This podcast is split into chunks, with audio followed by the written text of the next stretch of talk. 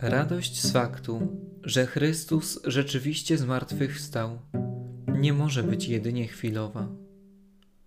Owszem, niektórzy z nas już jutro na nowo powrócą do swoich obowiązków.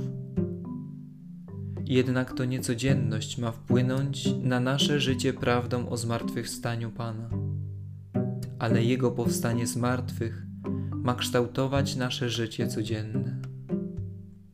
Zmartwychwstanie Jezusa Chrystusa, które jest centralnym punktem historii świata, w pierwszej kolejności musi stać się najważniejszą prawdą naszego osobistego życia.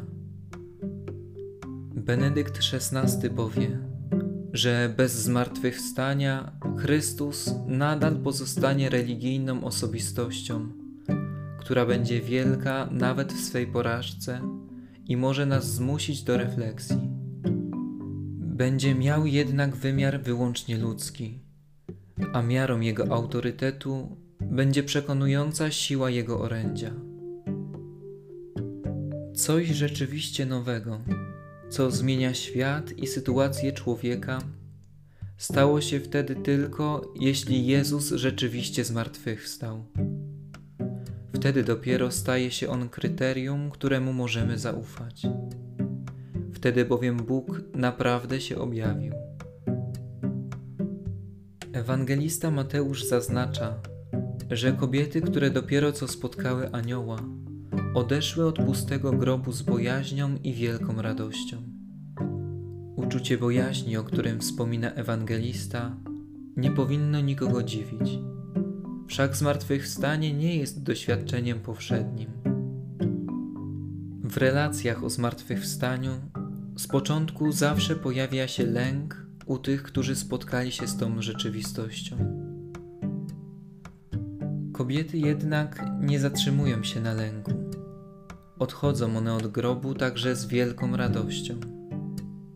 Co ciekawe, poprzednim razem w Ewangelii to samo greckie wyrażenie zostaje użyte przy odejściu mędrców od dzieciątka. Doświadczenie boskiej rzeczywistości, prawdy, że Jezus jest rzeczywiście Bogiem, który nie tylko przyszedł na świat, ale postanowił nas odkupić przez swoją śmierć na krzyżu.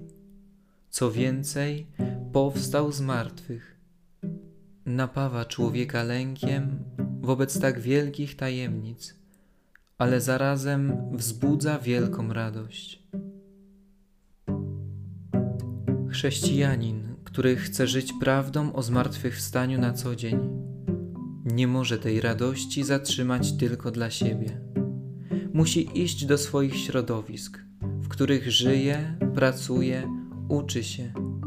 I w ten sposób, podobnie jak kobiety z dzisiejszej Ewangelii, świadczyć o tym, że Jezus prawdziwie zmartwychwstał. Chrześcijanin to człowiek, który zaraża radością ze zmartwychwstania.